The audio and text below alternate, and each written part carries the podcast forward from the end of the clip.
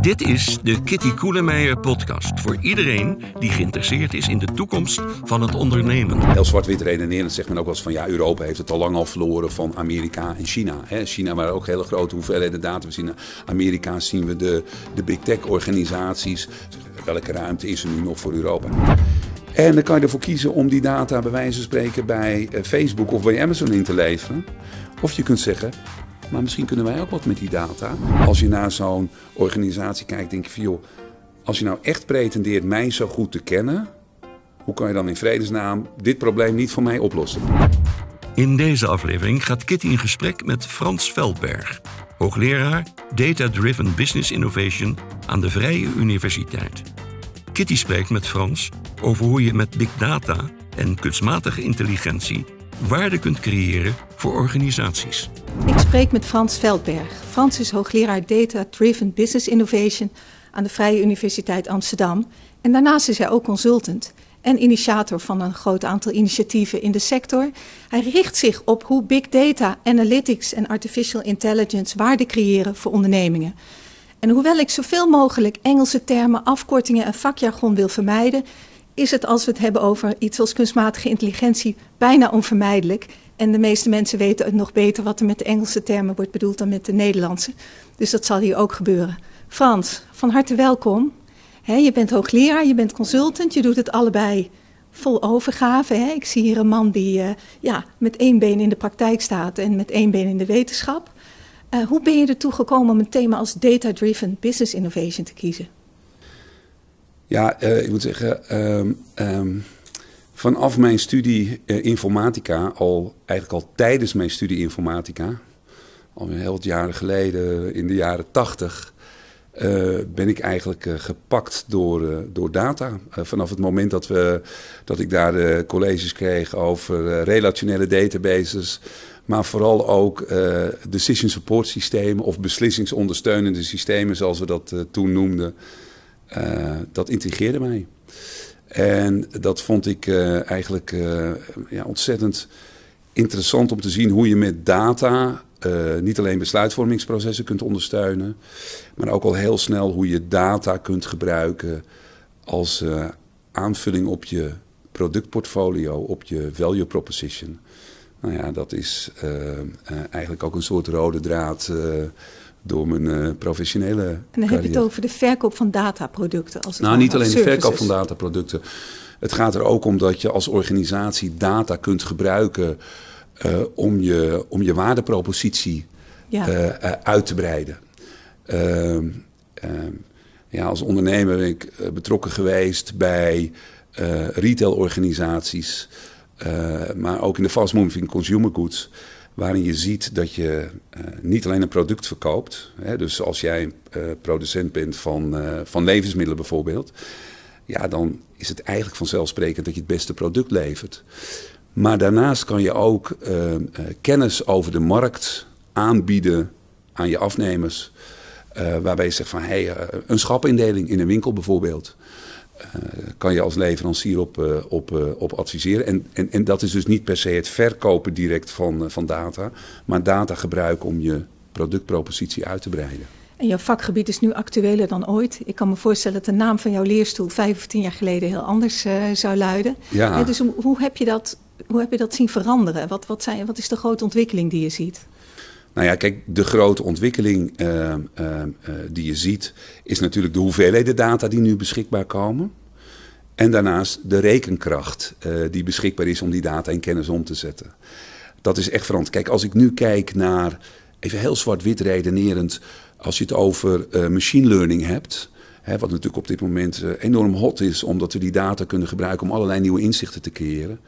Moet ik wel zeggen dat uh, eh, 80% ongeveer van de onderliggende algoritmen in dat machine learning zijn eigenlijk technieken en methoden die we al gebruikten toen ik informatica studeerde in, eh, in de jaren tachtig. Ja, dat komt me bekend voor. Toen was het een stuk minder cool hè, om dat te doen. Ja, nee, dat is inderdaad. Ja, je, je merkt inderdaad ook uh, de jaren uh, dat ik daarin studeerde. Was, ja, we hadden iets van 40 studenten of zo. was dat in, in, in, in, zijn totaliteit. Maar ja, dat was begin jaren 80. Maar daar zie je inderdaad ook wel de cyclus waarin de populariteit van het topic Uh, en ook de marktvraag ook alweer leidt tot, uh, tot meer uh, aanbod aan studenten. Maar dat, dat zijn dus wel de veranderingen. Hè? Dus als je kijkt naar de, de topics of de methoden die we toen gebruikten, gebruiken we nu ook. Alleen waar we toen een algoritme hadden ontwikkeld, en nog heel goed tijdens de studie stuurde je dat in een badgejob naar SARA, Stichting Academisch Rekencentrum Amsterdam. Hè. Nou, dat zal je ook kennen. Het uh, rekencentrum uh, waar uh, alles uit. en dan kreeg je na drie dagen je antwoord terug. En had je een dataset met, met waar 100.000 regels in zaten. waar je op 15 kenmerken iets onderzocht, naar inzichten probeerde te komen. Drie dagen. Nu hebben we 3 miljard regels op 25 kenmerken. En hebben dat in drie uur doorgerekend. Nou ja, dat is natuurlijk uh, de grote verandering die we, die, we, die we afgelopen jaar hebben meegemaakt. Wanneer spreek je nu van big data? Hè? Wat is nou het verschil tussen gewoon een grote dataset ja. met veel variabelen, veel waarnemingen en big data? Ja, het is wel mooi dat je die vraag ook stelt, omdat daar bestaan toch wel wat misverstanden over. Uh, uh, laat me wel zeggen, van, het maakt mij niet zoveel uit welke sticker je erop plakt. Hè. Het gaat erom wat je met data doet om waarde te creëren, maar daar kunnen we het zo direct over hebben. Maar wat je nu ziet is dat je, je hebt, uh, big wordt vaak alleen maar geassocieerd met veel. Ja. Maar de wereld is veranderd. We hebben inderdaad heel veel data, maar daarnaast is er ook nog een andere belangrijk uh, uh, verschil, is dat we steeds meer niet gestructureerde data hebben. En wat is niet gestructureerd? Ja, het onderscheid tussen gestructureerd en niet gestructureerd. Gestructureerd wil zeggen dat je de betekenis van de data af kunt leiden aan de manier waarop het opgeslagen is. Als jij je Excel-sheet opent en je ziet kolom en je ziet daarbovenin omzet staan, weet je dat alle rijen daaronder omzet zijn. Dat is gestructureerd. Dus je kunt de betekenis afleiden aan de manier waarop het opgeslagen is. Niet gestructureerd is bijvoorbeeld een post op social media. Dan heb je nog wat extra rekenkracht nodig om de betekenis af te leiden. Ja, en een algoritme. Precies, ja, dat kan het algoritme zijn. Die bijvoorbeeld, ik gebruik vaak het voorbeeld als roos. Als je in social media het woord roos ziet, dan kan dat een bloem zijn, maar ook een vrouwennaam zijn. Ja. En daar hebben we dus wat extra rekenkracht voor nodig om die betekenis af te leiden. Nou heb ik het hier over post als niet gestructureerde data. Maar tegenwoordig hebben we natuurlijk ook gigantische hoeveelheden beeldmateriaal, foto's. Hè. Een IKEA is heel erg geïnteresseerd in alles wat er aan interieurfoto's op het internet beschikbaar is. Om daar trends in te ontwikkelen als het gaat om woninginrichting niet gestructureerde data. Want is, als jij een foto maakt, zeg je niet tegen iemand van... goh, ga even daar staan, want ik wil de bank altijd rechts op de foto hebben. Nou, nu hebben we ook geluid. Hè? Dus uh, uh, we spreken tegenwoordig tegen computer. Allemaal niet gestructureerd. En het derde verschil is dat die data in hele grote... hoge snelheid ontwikkeld wordt... en dat we ook in hoge snelheid die data weer om moeten kunnen zetten in kennis. En wanneer praten we nu over big data... Als deze drie factoren met elkaar gaan interacteren, dan zijn bestaande technologieën niet meer toereikend om die data in kennis om te zetten. En dat noemen we dan wel va vaak het veld van de big data. Dus heel veel data, gestructureerd, maar ook heel veel niet gestructureerde data, dus de combinatie. En heel snel genereren van data en omzetten. En om dat af te ronden zeg ik altijd van, heb je nieuwe technologieën nodig? Een heel mooi voorbeeld is Um, als jij een Excel-sheet hebt en jij opent dat, en je hebt een aantal rijen, kan je heel snel het gemiddelde berekenen. Ja. Maar als jij een Excel-sheet hebt en er zitten tien foto's in, en jij vraagt, hey, kan je even de gemiddelde kleur van die foto's uh, uh, berekenen? Dan zeg je, joh, heb je andere technologie nodig? Ja. En dat is dan vaak weer die big data technologie. Die we, uh, dat is dus het verschil. En dan zeg je dus eigenlijk, data science, machine learning, AI, dat gaat vaak over die nieuwe technologieën. Want je kunt ook, ook data science toepassen op je ouderwetse grote dataset of kleine. Ja, maar dat vind ik ook, ook een goede die je noemt. Want we hebben het net even gehad over big data, hoe je dat dan definieert. Hè? Dus big data is dat heel veel data, gestructureerd, niet gestructureerd. Nou, alleen het veld van de data science, de datawetenschap, daar is big data een onderdeel van. Het data science is letterlijk het veld uh, wat zich bezighoudt met uh, het omzetten van data in kennis. Maar ook met alle methoden en technieken en systemen die daarbij gebruikt worden. Dus dat is veel breder. En een organisatie die bij wijze van spreken een vrij simpele dataset heeft en daar toch inzicht uit probeert te halen met allerlei gestructureerde technologie, van mij met Excel, kan aan data science doen. Wat is nou de, de grootste doorbraak die jij de komende drie tot vijf jaar verwacht? Wat, wat gaan we nou nog zien op dit vlak wat we nog niet kennen? Nou, wat we zien is dat we.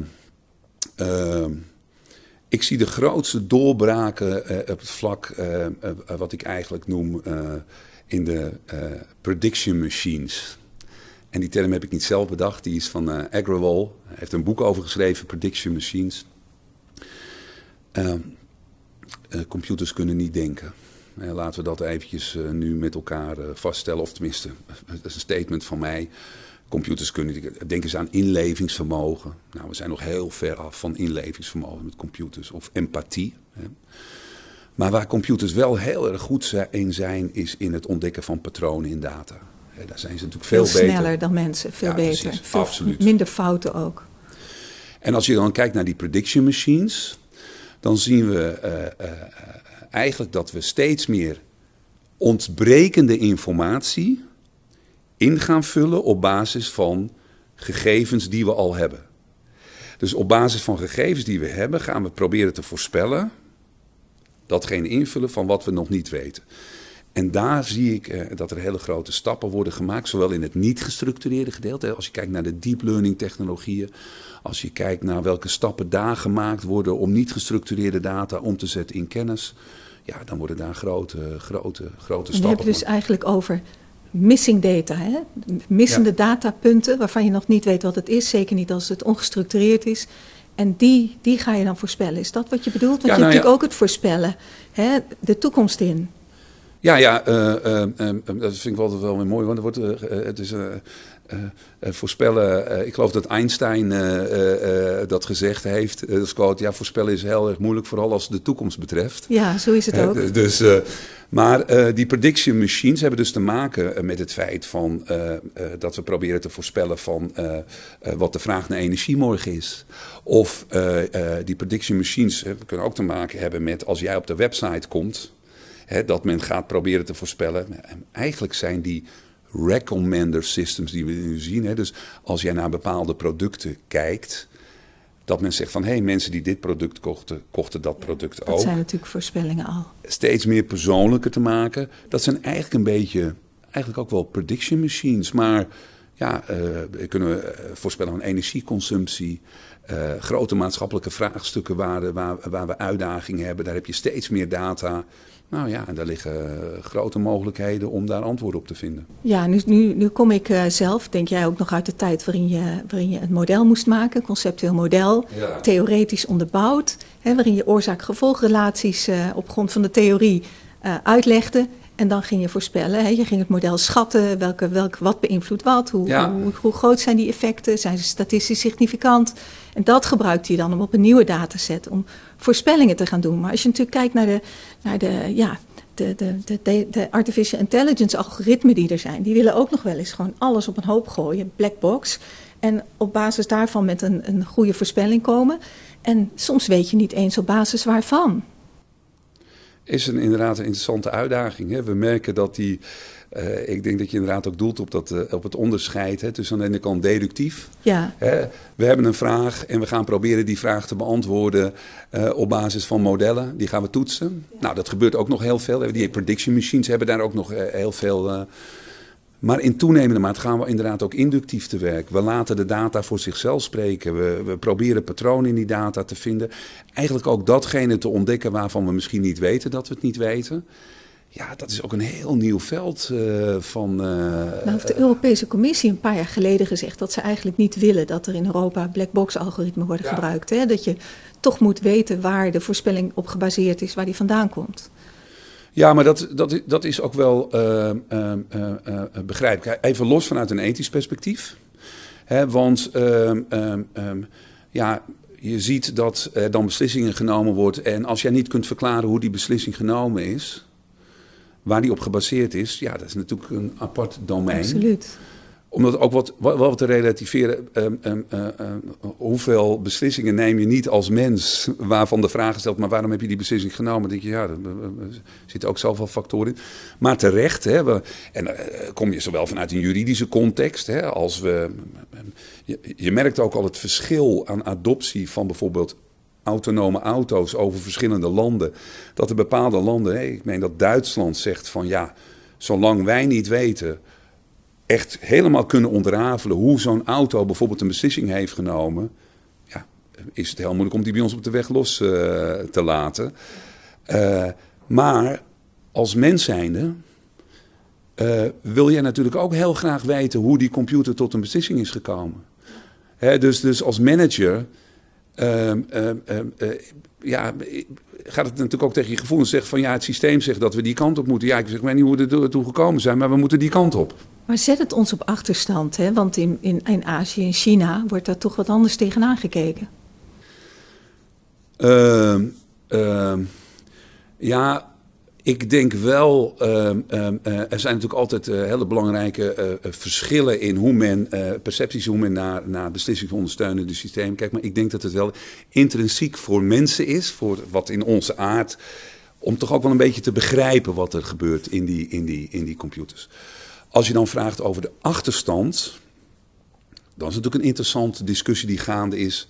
Dat men zegt van, ja, uh, uh, heel zwart-wit redenerend zegt men ook wel eens van ja, Europa heeft het al lang al verloren van Amerika en China. Hè. China waren ook hele grote hoeveelheden data. We zien Amerika zien we de, de big tech organisaties. Welke ruimte is er nu nog voor Europa? Maar dat is juist heel erg interessant. Want juist in dat ethische vraagstuk heeft Europa gezegd, en daar gaan wij ons in onderscheiden. Dat vinden wij heel belangrijk, die responsible artificial intelligence. Waar explainability een belangrijke factor is. En dan heb je het weer over die black boxes, dat we uit kunnen leggen wat er gebeurd is. En daar geloof ik wel in. Dus dan krijg je eigenlijk een soort privacy en ethics bij design. En ik geloof er wel in dat wij als, uh, uh, uh, in Europa ons kunnen onderscheiden en daar toch een competitive edge, een concurrentievoordeel ja. kunnen behalen. Waar zit dat concurrentievoordeel dan? Nou, in het feit dat op lange. kijk, we hebben het hier over machines, maar het is uiteindelijk mensenbusiness. Het gaat om mensen. En op lange termijn zullen mensen zich natuurlijk in besluitvormingsprocessen veel comfortabeler voelen als er ruim rekening wordt gehouden met responsibility. Uh, met uh, met uh, ethische aspecten. Dus ik denk ehm, dat op de, op, misschien op de korte termijn dat men toch in wat valkuilen zal trappen. Denk van, nou, maar op lange termijn dat men zal zeggen van ja, maar dit vinden we zo belangrijk. Hier, dit is voor ons gewoon het uitgangspunt. Die responsible artificial intelligence. Ja, jouw onderzoek dat richt zich op waardecreatie voor, hè, voor businessmodellen. Toegevoegde waarde hè, met behulp van big data, artificial intelligence. En je ziet natuurlijk dat ondernemingen steeds meer op die maatschappelijke verantwoordelijkheid ja. moeten letten. Hè? Dat die, die, die, hè, die verantwoordelijkheid, dus dat, dat zie ik dan wel met, met elkaar in verband. Maar kun je daar iets over zeggen, over jouw onderzoek, hoe je daar dan mee omgaat? Ja, kijk, uh, Um, uh, als als uh, Vrije Universiteit zitten wij op, uh, op de Zuidas. En ik kan zeggen dat er heel veel bedrijven op die Zuidas is, langsgekomen zijn vanuit het management wat zegt van... hey Frans, ehm, data, data science, artificial intelligence staat hoog bij ons op de agenda. Als we onze beleidsnotities zien, dan zien we daar big data staan, dan zien we daar artificial intelligence staan. Hè, blockchain stond er dan inderdaad ook bij. Het lijkt wel de olie voor het oplossen van al onze problemen. Maar vertel eens, wat is het eigenlijk? En wat betekent dat voor ons businessmodel? Dus als mensen nu denken van ja, ik weet eigenlijk ook nog niet zo goed wat die data science nou voor mijn bedrijf. Nou, schaam je daar niet voor. Want van de grootste organisatie tot de kleinste organisatie is men daar zoekende in. En dat heb je natuurlijk ook met nieuwe technologieën die zo snel gaan dat je voortdurend moet kijken wat betekent dat. En dan beginnen we eigenlijk, begin ik eigenlijk altijd gewoon door, door die organisaties mee te nemen. Eigenlijk op een hele simpele manier het business model canvas te pakken. Hè. Dus, Toch? Ja. Ja, ja, de vraag van, als we het over een business model hebben, dan gaat het natuurlijk om drie vragen. Eén, welke waarde gaan wij creëren? Hoe gaan we die waarde verbinden met de markt? Hoe gaan we die waarde leveren met de markt? En de derde, hoe gaan wij waarde vasthouden? Dus het verschil tussen uitgaven en inkomsten. Die drie elementen zijn natuurlijk essentieel, maar zijn ook de drie onderliggende vragen in wat is een businessmodel. En dan pakken we dat canvas en dan gaan we kijken van oké, beïnvloedt het mijn kernactiviteiten? Beïnvloedt het mijn key partnerships? Welke value propositions zijn er? Uh, welke kostenstructuren heb ik hier? Wat betekent dat allemaal? En dan gaat het leven en dan wordt het concreet. En dan ontwikkel je gezamenlijke verhaal rondom data en analytics. En komen ze dan uit alle sectoren naar je toe? Of is het toch vooral finance? Nee, dat is, dat is heel breed. Het speelt inderdaad overal. Ik zit uh, uh, als universiteit schakelen we met uh, van bouwbedrijven, inderdaad traditioneel natuurlijk ook veel organisaties in de, in, de, in de financiële sector. Ik bedoel, natuurlijk ook de Zuidas. Laat ook niet vergeten, de financiële sector is ook best wel heel ver op het gebied van data science, omdat hun business ook gewoon een heel groot gedeelte gewoon ook met informatie te maken heeft. Maar ook in toenemende mate zelfs in hoge mate, vanuit de publieke sector. En kun je eens een voorbeeld geven van hoe die data zich dan verhouden tot waardecreatie? Je hebt natuurlijk al een voorbeeld gegeven, maar van al die drie aspecten, die levering en die waardetoeeigening? Nou, dat is een hele mooie. Uh, een, een, voorbeeld is een, uh, een, een samenwerkingsverband. waar we als universiteit samenwerken met groep organisaties, multinationals en ook MKB-bedrijven in de context van Techpoort in Velsen. Een organisatie als Tata Steel is bezig met predictive maintenance. Die proberen natuurlijk te voorspellen van oké, in het hele productieproces, predictive maintenance, is natuurlijk ook een, een, een, hot topic in de industrie. Want je wilt voorspellen welke componenten in mijn uh, productieproces wil ik wanneer gaan vervangen. Want ja, een component van 3 euro, als dat kapot gaat, kan het tonnen. Daarin zitten we met een hele groep MKB-bedrijven samen op use cases bij Tata Steel. En die MKB-bedrijven die kijken met elkaar in dat ecosysteem. Hoe kunnen wij hier data met elkaar uitwisselen? Hoe kunnen wij hier nieuwe businessmodellen op ontwikkelen? Hè? Dus die MKB-bedrijven zijn onderdeel van dat traject binnen Techports. Ook interessant, want het is ook een traject wat door de Europese Unie wordt uh, gefinancierd, omdat de Europese Unie dat ook heel erg belangrijk vindt, dat er vanuit die innovatie allerlei nieuwe waardemodellen komen. En nou, ant specifiek antwoord op jouw vraag. Er zijn bijvoorbeeld elektrotechnische installatiebedrijven. Die vroeger alleen maar de motoren in de fabriek plaatsten, de bekabeling in de fabriek plaatsten. Maar het zijn steeds meer data- en softwarebedrijven geworden. Want die motoren genereren data. En dan kan je ervoor kiezen om die data bij wijze van spreken bij eh, Facebook of bij Amazon in te leveren. Of je kunt zeggen, maar misschien kunnen wij ook wat met die data, daar een voorspellend model op ontwikkelen. En dan word je op een gegeven moment een partij die over de hele wereld producten en diensten aan kan, uh, aan kan gaan bieden op het gebied van predictive maintenance. Maar dan, dan gaan die bedrijven dus ieder voor zich, gaan ze zo'n ja, zo'n traject in. Hè? Want dat, dat zou betekenen dat elke, elk bedrijf zichzelf ook als databedrijf moet gaan zien. En misschien zelfs wel een uh, data science afdeling moet oprichten. Of data analytics. Nou ja, uh, um, data wordt natuurlijk wel steeds belangrijker. Hè? Uh, ik, ik, uh, voordat ik het antwoord geef op jouw vraag of elk bedrijf een data science afdeling moet hebben. Kijk, data wordt wel steeds belangrijker. En we zien, een van de effecten van digitale inno innovaties is demonetization. Dat wil zeggen dat geld in toenemende mate uit, als, als monetaire eenheid uit de vergelijking verdwijnt.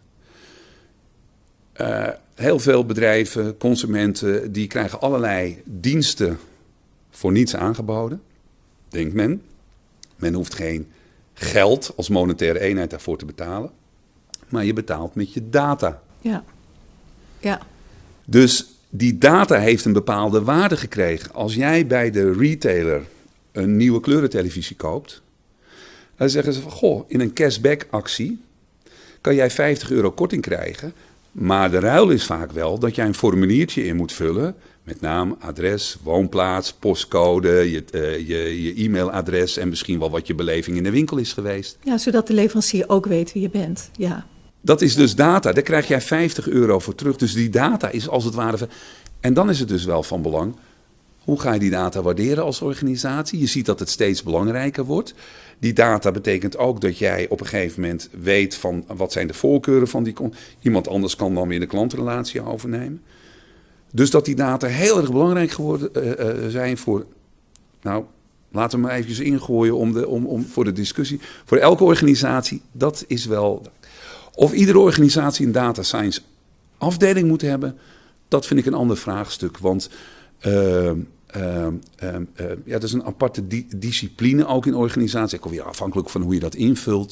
Dat is ook niet voor iedere organisatie weggelegd. Uh, maar dat data belangrijk is en dat je, dat je daarvoor moet organiseren, dat is, een hele, dat is wel een gegeven. Ja, en ik, ik spreek veel MKB-bedrijven en ook zeker naar aanleiding van, van dit gesprek met jou, is toch de vraag van, ja, hoe moet ik nou als MKB-bedrijf beginnen met ja, datagedreven innovatie zelfs al te hoog gegrepen. Er zijn eigenlijk twee vragen. Hoe innoveer ik? En ook, wat moet ik met data? Hoe, hoe ver moet ik daarin gaan? Want dat wordt toch vaak als een enorme hurdle gezien, als een berg die je op moet. Heel veel geld investeren, terwijl het misschien met hele eenvoudige zaken al kan. Dat is echt, uh, in de MKB is natuurlijk een brede groep. Maar dat, uh, dat houdt de bakker tot en met uh, ja, het garagebedrijf en, en de grote, grote kledingwinkeliers echt bezig. Absoluut. En het interessante is, uh, als, uh, als universiteit uh, zijn we betrokken bij een triple helix samenwerking. Waarin we met een lokale overheid, in dit geval de gemeente Alkmaar, het lokale bedrijfsleven en de wetenschap samenwerken. Juist op dit vraagstuk voor die MKB-bedrijven ook. Want die vraag die jij stelt is eigenlijk where to begin. Ja, heb je het antwoord al? Nou, als ik het antwoord zou hebben, dan uh, ja, voor een deel wel, maar het zou erg pretentieus zijn als ik hier zou zeggen dat ik dat antwoord zou hebben. Maar ik kan wel wat, wat, wat richtingen geven, wat, wat, wat handvatten geven. Uh, waar we in die context heel sterk samenwerken. Dus overigens, dat heet Data Science Alkmaar. Hè, de datasciencealkmaar.nl. Dus uh, MKB-bedrijven, gaan daar bijvoorbeeld ook eens kijken. Want er zijn ook allerlei voorbeelden, use cases, uh, webinars beschikbaar. Juist ook op deze vraag. Ja, hè, dus, ik zal zorgen dat de link beschikbaar komt ja, dus, de podcast. Maar ehm, de bakker op de hoek zal niet zo snel een data scientist aannemen. Nee, begrijp Maar het is wel heel erg interessant dat er organisaties zijn Nee, laat ik hem even zwart-wit stellen. Uh, alles wat op Instagram gezet wordt, daar kan Facebook in principe afleiden van wat jouw voorkeur is aan brood. En als je naar de toekomst kijkt, kan het natuurlijk zo zijn dat Facebook die hele relatie overneemt. En zegt van joh, ik weet precies wat jouw interesse, uh, interesse is. Op zondagochtend wil je dat soort broodjes hebben. Op zaterdagochtend wil je dat soort broodjes. En ik zorg dat je ze krijgt dan. Precies. En wat wordt dan die rol van die bakker? Die lokale bakker zal waarschijnlijk wel een rol houden. Maar wordt die een soort transactieprovider van Facebook die zegt van goh, uh, heel erg leuk. Ik heb even de klantrelatie overgenomen. Jij mag wel broodjes bakken, jij mag ze gaan bezorgen. Maar ik reken af met ze. En dat moet je natuurlijk voorkomen. Want het gaat erom, die data die kan je over de hele wereld verplaatsen. Die kan overal naartoe, hè? die is niet locatiegebonden. En dan betekent het eigenlijk, kijk, die lokale bakker die zal niet een data science afdeling inrichten. Maar zorg dat je onderdeel bent van samenwerkingsverbanden. Om dan te kijken van, hé, hey, hoe kan ik toch mijn rol hierin blijven vervullen? Dus wat we dan met een mooi Engels woord weer noemen ecosysteem. Hè, dat hebben we ontleend ook uit de biologie. Waar een evenwicht is tussen allerlei partijen, allerlei, uh, sorry, allerlei organismen die met elkaar samenwerken. Zorg dat jij als klein MKB-bedrijf die ontwikkeling in de gaten houdt. En zorg dat je je bij de juiste netwerken aansluit. Bijvoorbeeld, ik noem het dan een data science Alkmaar. Maar zo heb je in Den Bosch ook uh, prachtige initiatieven van, uh, van JATS. Je hebt uh, in heel veel steden heel veel lokale innovatiepunten. De Europese Unie probeert ook allerlei van dit soort innovation hubs op te zetten. Sluit daarbij aan om daar die kennis inderdaad ook vandaan te halen. En dan samen wellicht met andere partijen te zorgen dat je relevant blijft. Ja, ik zie veel veel verticale samenwerking door de keten. Horizontaal is vaak wat moeilijker. Men is toch een beetje bang voor de concurrentie, maar ook ja, toch bang om iets op te tuigen en denkt van ja, hoe moet dat, hoe moet dat dan, uh, dan verder gaan lopen? Dus samenwerking, zeker in het MKB, dat, dat kan een stuk beter, is mijn, uh, is mijn opvatting. Want dit, dit soort projecten zijn natuurlijk ook administratief best wel complex. Ja, je moet toch een penvoerder hebben en er moet van alles uh, geregeld ja, dat klopt, worden. Dat klopt, dat klopt. Dat, dat, dat ben ik met je eens. Nou, ja, dus, uh, je, uh, om dat op gang te brengen is bijvoorbeeld inderdaad wat ik zojuist stel, zo'n Evro-verhaal wat we dan in Techpoort hebben om dat op gang te brengen. Ik moet zeggen, er zit een nuance in. die horizontale samen, ja, zeg ik ja. Daar speelt data delen bijvoorbeeld ook weer een belangrijke rol. Iedereen ziet die waarde van data. En hoe ga je die data dan delen? Hè? Dus, maar dat is ook een kunst om dat met elkaar te gaan ja, leren. Absoluut, dat is één. absoluut. En tegelijkertijd zie je ook wel dat juist dat MKB, eh, eh, dat daar ook wel weer een slagvaardigheid zit. Want wij zitten soms bij multinationals. Ja, die hebben zulke bureaucratische structuren. Daar duurt de besluitvorming alleen al eh, drie maanden om verder te komen. Waarbij een MKB-ondernemer kan zeggen: hey, dit vind ik een goed idee. Ik sluit je meer aan. Ik ben bereid om hierin te investeren. Maar dat is een bepaald segment van het MKB. Het is het middenbedrijf. In de... Maar van multinational tot bakker op de hoek en alles wat daartussen zit. Er is geen enkele organisatie meer die dit alleen kan. Dus een van mijn belangrijke boodschappen is ook: zorg dat je in de juiste netwerken zit. Zorg dat je aansluit bij de ju juiste ecosystemen. Om hier ook te kijken van oké, hoe kan ik met data, maar ook vooral met digitale innovaties omgaan? En wat betekent dat eigenlijk voor mijn businessmodel? En hoe kan ik hierop anticiperen om relevant te blijven? Ja, dat is, ik denk dat dat een hele, hele goede opmerking is. En ik vraag me ook af, komen er binnenkort wat meer bedrijven? Hè? Software wordt steeds voordeliger, het wordt steeds makkelijker om uh, met grote, grote datasets om te gaan.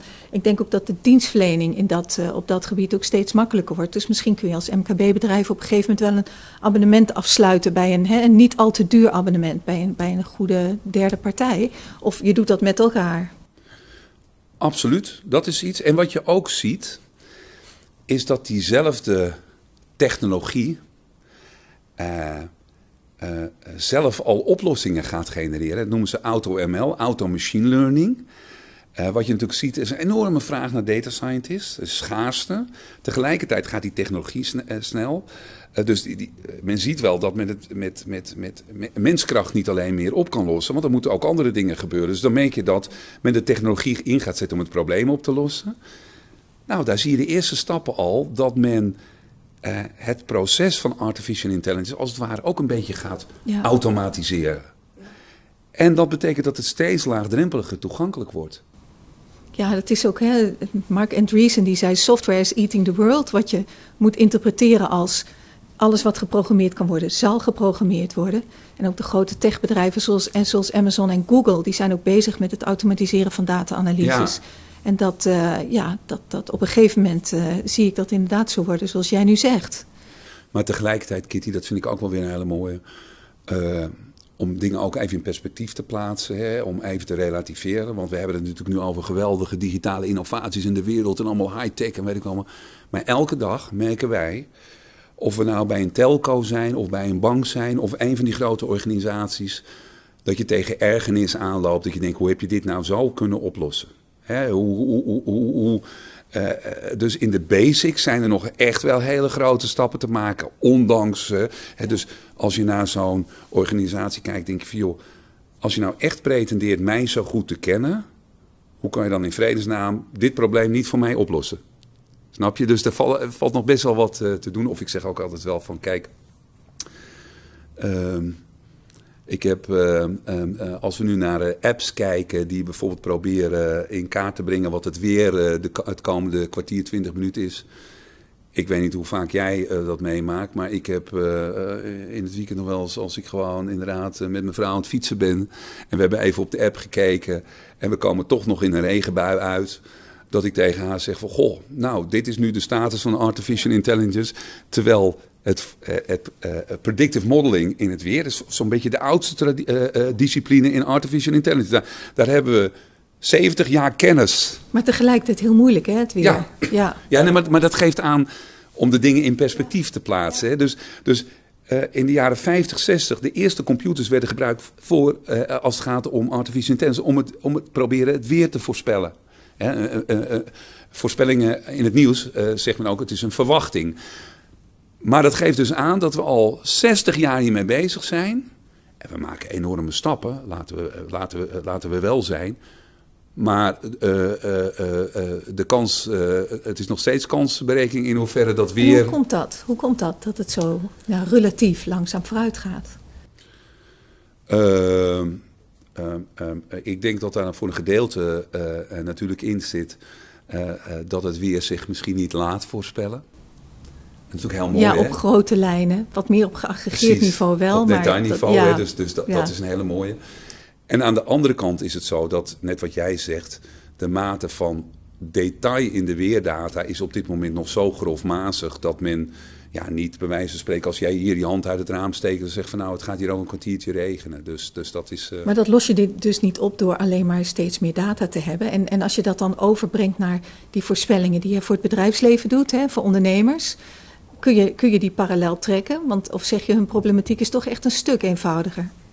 Hoewel het weer ook vaak een belangrijke factor is in het voorspellen van de, van de klantvraag. Ja, nou ik bedoel dat het weer inderdaad ook gewoon een beetje als voorbeeld om te laten zien wat, wat, de stand van zaken is. Dat laat onverlet dat er natuurlijk heel erg veel gebeurt uh, op het gebied van uh, machine learning. En vooral ook als we natuurlijk hebben, hebben over deep learning, wat daar allemaal gebeurt. Er worden hele grote stappen gemaakt, ook in de medische wereld. En waarop vooral?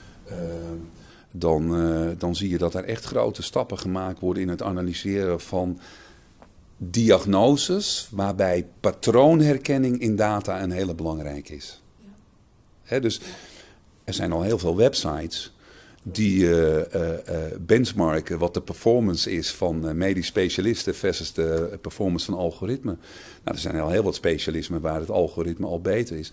Daarbij wil ik overigens niet zeggen dat het algoritme de specialist moet vervangen. Laten we dat eventjes wel vaststellen, want ik geloof in hybride vormen. Maar wat zijn nou die, die, die nauwkeurigheidsranges van die algoritmes?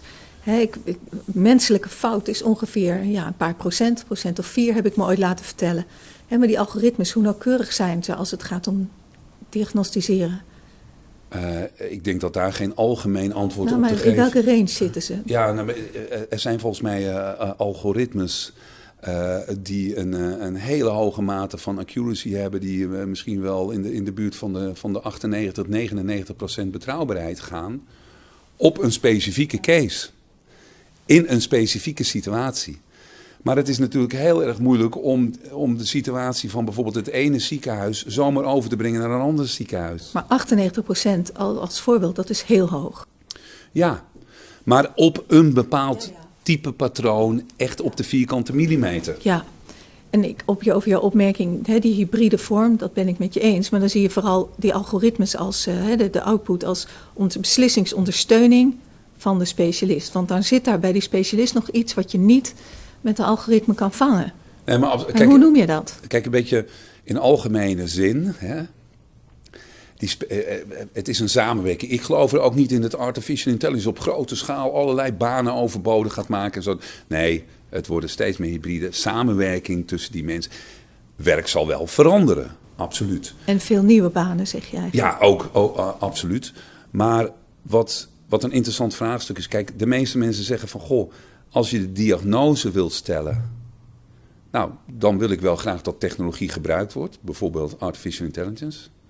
Maar op het moment dat de boodschap van de diagnose overgebracht wil worden, dan wil natuurlijk niemand door een computer opgebeld worden of uh, via een schermpje, via een chatbot uh, te horen krijgen wat de diagnose is. Is dat niet of nog niet? Gaan we daaraan wennen?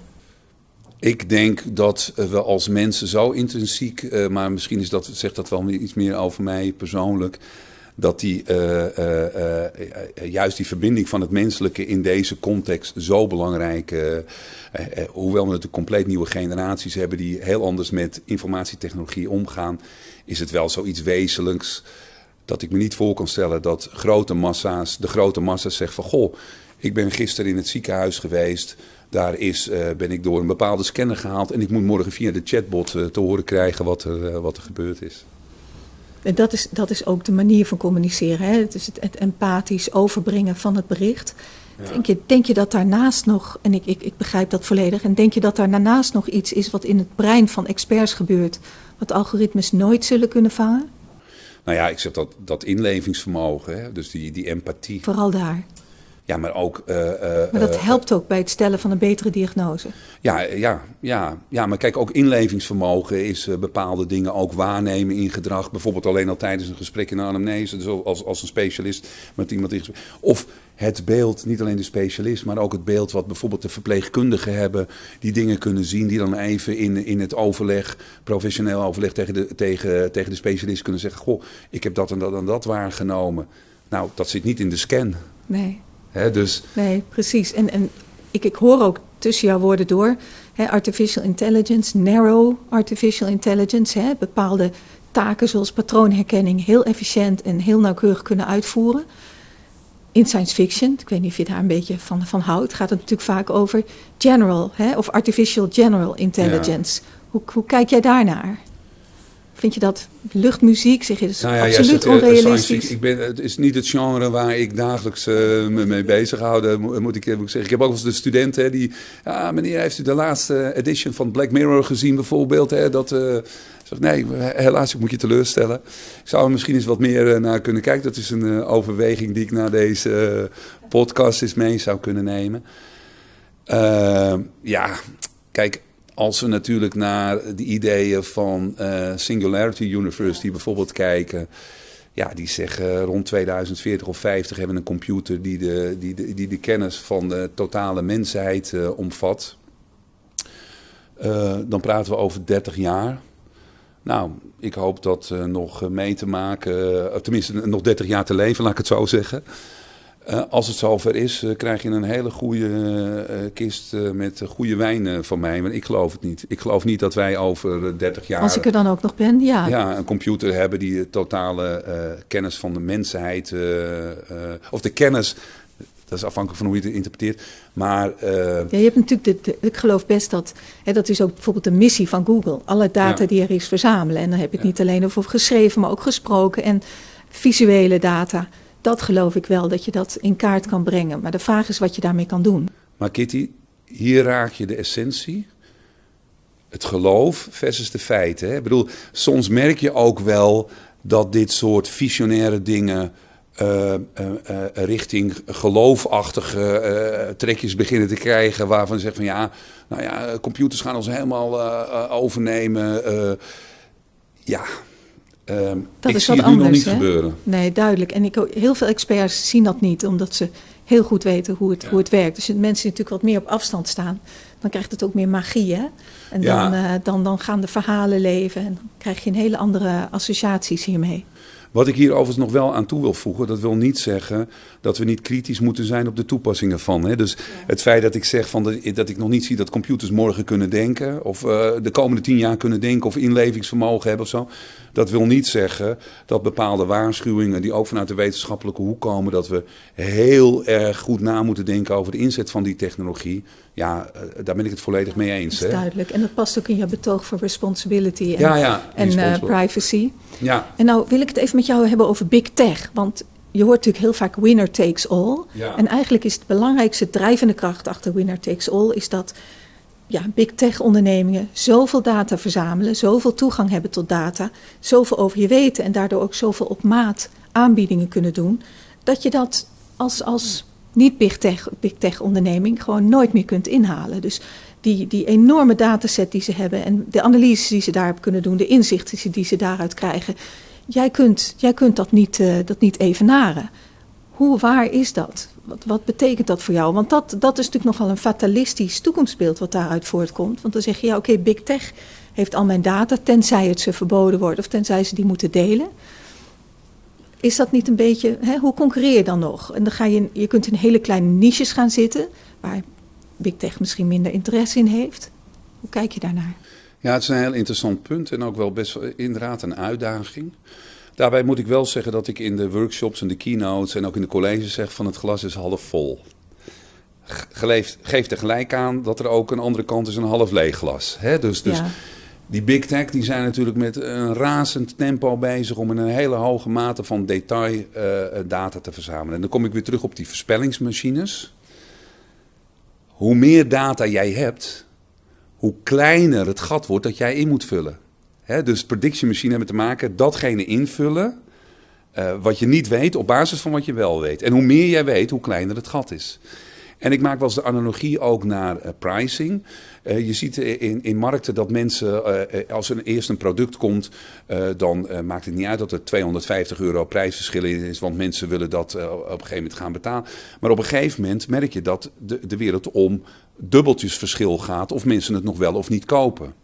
Je ziet het ook met data. Je gaat dus steeds meer data krijgen, waardoor die predictive accuracy omhoog gaat. En dan, dan kan het verschil gemaakt worden als jij een voorspellende nauwkeurigheid hebt van bij wijze van spreken 97% naar 98%. Want als jij een miljoen e-mails bij wijze van spreken de deur uitstuurt. En 1% daarvan meer. Dat zijn behoorlijke aantallen, dus dat kan het verschil maken. Dus daar moeten we absoluut naar kijken. En ik ben heel erg blij dat het op de agenda staat van, uh, van, uh, van uh, nou, grote ondernemingen, van de politiek ook. Europese Unie, dat men daar kritisch naar kijkt. Dat vind ik een hele goede en daar ben ik ook wel blij om. Tegelijkertijd zeg ik ook, het glas is half vol. Want jij kunt als individuele bakker op de hoek data verzamelen, voor wie het die grote organisaties heel erg moeilijk is om die te verzamelen. En dan kan jij toch dat stukje invullen, wat je uh, in het grotere ecosysteem, in het samenwerkingsverband, wel een bepaalde positie geeft. Maar het is absoluut een uitdaging. Maar ik zie, ik zie ook wel, uh, ik uh, werk ook in de healthcare. Daar zie ik specialisten die met prachtig onderzoek bezig zijn, die data verzamelen. En die data vormt een sleuteltje in een veel groter geheel waar bijvoorbeeld een organisatie als Google of Amazon niet aan kan tippen. En, want kijk. Ja, die willen ze graag hebben, die data. Die willen ze inderdaad graag hebben. Maar het zijn zulke grote organisaties en het zijn grote grasmaaiers als het om data gaat. Ze proberen zoveel mogelijk te verzamelen. Maar ze kunnen natuurlijk niet op elk do uh, domein op dit moment, op dit moment zeg ik, dominant zijn in het ontwikkelen van die prediction machines. Dus in wat jij die niches noemt, er zijn best wel gebieden waar jij uniek data hebt, een sleutel hebt, waarvan zij nog eens bij jou aan de deur kunnen kloppen en zeggen van hé, hey, kunnen wij toch eens met elkaar uh, gaan, uh, gaan schakelen? Ja, wat, hoe vind, wat vind je dan? Moet je dan gaan schakelen met ze? Moet je dan zeggen van dan doen we het samen? Uh, Uh, uh, al, uh, je kan zeggen van ja, maar wel onder mijn voorwaarden. En dan gaat het wel om de voorwaarden ten aanzien van privacy en ethiek en zo. Maar goed, dat is natuurlijk wel een, een bredere discussie. Het is wel interessant om ook eens in dat soort ecosystemen, om daarover na te, na te denken en te kijken ook van, en dat is weer een hele belangrijke, onder welke voorwaarden, wat behoort bij mijn bedrijfswaarde, en dan komt hij terug, dat is ook heel belangrijk, wat hoort bij mijn bedrijfswaarde uh, als het gaat om uh, samenwerken met dit soort organisaties. En wat wil ik wel en niet inleveren. Tegelijkertijd is dit makkelijker gezegd dan gedaan. Want als jij in het hart van je businessmodel geraakt wordt en het kan betekenen dat jij over drie jaar niet meer relevant bent, ja, dan moet je wel heel stevig in je schoenen staan. Dat klopt. En er zijn een aantal grote corporates, hè? Aal, Deleuze, Philips, ING, ja. KLM, NS. Die zitten samen in het Kickstart Artificial Intelligence ja, ja, Consortium. Die nemen dus hoogleraren in dienst zelf, die ook nog verbonden zijn aan de universiteit. Die koppelen dus de praktijk met de academische aanstelling. En Microsoft doet dat bijvoorbeeld al veel langer. Wat, uh, wat denk je daarvan? Komt er op deze manier voldoende ontwikkelde kennis beschikbaar? He, dus heb je voldoende sociale waarden? He, want het is natuurlijk wel duidelijk dat, dat deze bedrijven ook dingen voor zichzelf willen, willen houden. Ja. Is dat verenigbaar? Ja, dat zijn twee vragen. Uh, of, of, of de uh, uh, positie verenigbaar is. Hè? Dat of, ja, nou meer of, of het. je hebt natuurlijk als hoogleraar ben je altijd heel transparant in wat je doet en alles probeer je ja. te publiceren. En dat, dat is dan ook in toenemende mate open source. En het is eigenlijk ja, open, hè? Zoveel mogelijk. Ja. Terwijl als jij in opdracht van een bedrijf iets doet, dan, dan is dat intellectueel eigendom ligt bij het bedrijf. En ze willen hè, dan niet dat alles mogelijk willen ze niet dat alles naar buiten komt. Nou ja, wat, wat ik daarop kan zeggen, kijk, de, de VSNU heeft daar een hele mooie ethische code voor ontwikkeld. Hè. Die zegt dus inderdaad ook van ja, dat soort dingen kunnen, maar dit is onze code als wetenschapper. En als wetenschapper is het per definitie zo dat de kennis die jij ontwikkelt ter beschikking moet zijn van de samenleving. Dus alles wat jij ontwikkelt, en of die wetenschappers nu wel of niet in dienst van die bedrijven zijn. Hè? Bedoel, op het moment dat het om wetenschap gaat, dan hebben ze zich ook aan die codes te houden. En als het gepubliceerd wordt en de data, zie je trouwens ook steeds meer dat de data die gebruikt wordt voor wetenschappelijk onderzoek ook steeds meer publiekelijk toegankelijk absoluut, moet absoluut. worden. Hè? Dus, ja, dat is, uh, dus, aantal incidenten zijn daar uh, de reden voor. Tegelijkertijd is dit natuurlijk ook niet nieuw, want ik schakel al nou, laat zeggen, 25 jaar met organisaties. En er zijn natuurlijk organisaties die in het kader van contractonderzoek met ons willen schakelen. Ja, dan pas je je kennis toe. En dan, nee, maar dan spelen die vragen natuurlijk ook altijd. Dat men zegt van ja, als hier intellectual property wordt ontwikkeld. En, uh, ja, en daar zijn we als kennisinstelling ook gewend om daarmee om te gaan. Zeg, ja, weet je, A, we zijn als wetenschappers onafhankelijk. Hè, dus, dus het kan niet zo zijn dat de resultaat. Dus Dus de bestaande ethische kaders die daarvoor zijn voor de wetenschap, die zijn toereikend om ook hier te toetsen van, uh, van, uh, van hoe je daar. Uh... Ja, en dat, dat doet me ook een beetje denken die AI-wetloop tussen China en de Verenigde Staten. Want de fundamentele kennis over AI komt uit de Verenigde Staten. Hè? Die, die, die, die is gepubliceerd, die is toegankelijk voor iedereen. wat, wat, mij, hè, wat, ik, wat ik begrijp is dat op het moment dat, dat AlphaGo, de beste speler hè, van, van, het, van het spel Go in China, werd verslagen door Google met het programma AlphaGo. Toen dachten ze daar van, hé, hey, dit, dit gaat de verkeerde kant op. Wij moeten ook veel meer in artificial intelligence gaan doen. Zijn toen uh, ja, heel erg gaan toepassen. Hè? Dus de toepassingen ja. komen uit China, omdat ze veel meer toegang hebben tot data. En de meer fundamentele kennis komt uit de Verenigde Staten. En dan zie je toch dat dat, uh, ja, ja, maar kijk, je ziet dat dit soort organisaties ook verschillende labs overal op de wereld uh, opzetten. Juist ja, ook absoluut. om. Uh, kijk, maar denk je dat dat het geheel verder brengt? Want we nou, hadden kijk, het er net je, over die, die big tech en de grote corporates. En haal dat nou nog maar eens in als, als kleiner bedrijf. Ja, oké, okay, maar dat, even, om nog even het gesprek afronden over even de rol van de wetenschap. Kijk, als wetenschap is voor ons ook essentieel om te verbinden met de samenleving. Om juist datgene wat we ontwikkelen te kunnen toepassen. En daar, daar merk je ook in toenemende mate bij universiteiten dat dat hoog op de agenda staat. Hè. Uh, uh, valorisatie of engagement is nu expliciet een derde pijler geworden. Het is niet alleen maar meer onderzoek, onderwijs, maar het er ook bij om die kennis te valoriseren en te zorgen dat het naar toepassing en impact komt. Dus wat dat betreft is het goed dat die, dat die werelden dicht bij elkaar komen. Uiteraard wel in een context van onafhankelijkheid. Hè? Dus dat Ja. je zegt van ja, oké. En, en dat de kennis waar, waar, waar de samenleving in investeert, ook voor de hele samenleving ter beschikking komt. Dat zijn de. de, de als je dan teruggaat naar eh, de specifieke vraag of het ook voor, het, eh, voor kleinere organisaties ter beschikking komt, dat is nou juist het charmante van wetenschappelijk onderzoek. Eh, dat is in principe publ- publiekelijk toegankelijk. Hè, daar kunnen we ook nog wel een discussie over voeren. Want eh, eh, gelukkig krijgen we steeds meer wetenschappelijk onderzoek. Dat weten we natuurlijk. Wat we in, in open platformen kunnen publiceren. Waar letterlijk iedereen erbij kan. Absoluut. Nou kan ik me voorstellen, wederom, dat misschien iemand in een MKB-bedrijf uh, zegt van... Goh, die wetenschappelijke publicatie, nou ik ben na drie regels ben ik afgehaakt. Zeker. Maar we zien in toenemende mate dat er allerlei start-ups komen, allerlei bedrijfjes komen die gefaciliteerd worden door de universiteit. Als we kijken wat we daar in Amsterdam op de VU op dit moment aan doen, om dat soort ecosystemen te ontwikkelen, waar allerlei start-ups gefaciliteerd worden, juist om die wetenschappelijke kennis ook naar die MKB-bedrijven toe te brengen. Heel erg leuk, uh, deze prachtige ambiance waar we hier zitten. Uh, uh, hier zitten... Neem een macaron. Ja, ja, ja, ja, die zien er heerlijk uit. Uh, uh, uh, we liepen hier even een rondje en werd voorgesteld aan een prachtige onderneming die met data bezig is. Die juist ook die kennis aan het toepassen is voor steeds meer organisaties. En dat is natuurlijk ook de bedoeling. Ja, en dat, dat, dat is natuurlijk wat je echt de laatste tijd ziet. Wat ook heel erg, wat het mooie is daaraan, dat die ecosystemen van praktijk en wetenschap, hè, dat, die, ja. dat er veel meer verbinding is, veel minder isolatie. En ja dat dat dan ook tot veel mooie resultaten gaat leiden. En ja. denk je dat, dat we daar goed mee bezig zijn in Nederland? Ja, we, we, we maken, Europa? Daar, we maken daar een stap in. Je, je merkt ook steeds meer dat het als criterium geldt. Hè? Dus je ziet daar ook een verschuiving in de wetenschappelijke wereld. Dat uh, de, de output... Ik, wou, ik, ik zat te denken de performance, maar ik denk laten we geen Engelse term gebruiken. Output, kom je weer bij een Dat is ook Engels, ja.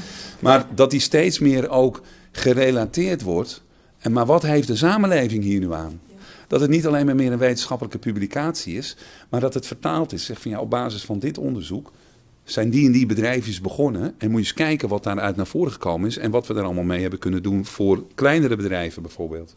En als je nou kijkt, hè, je bent hoogleraar, als je kijkt naar het onderwijs, hè, op, op, we moeten ons voorbereiden op de toekomst, 10, 20 jaar vooruit als je het hebt over onderwijs. Wat zou jij daar nou willen veranderen? Wat vind je nou aandachtspunten? Uh, je bedoelt aan en in de hoger onderwijs, maar van de middelbare scholen, MBO, HBO, universiteiten. Waar, wat je maar wil. Laten we hem even heel actueel maken. als ik zie wat we in het afgelopen jaar, waarin we noodgedwongen allemaal online moesten.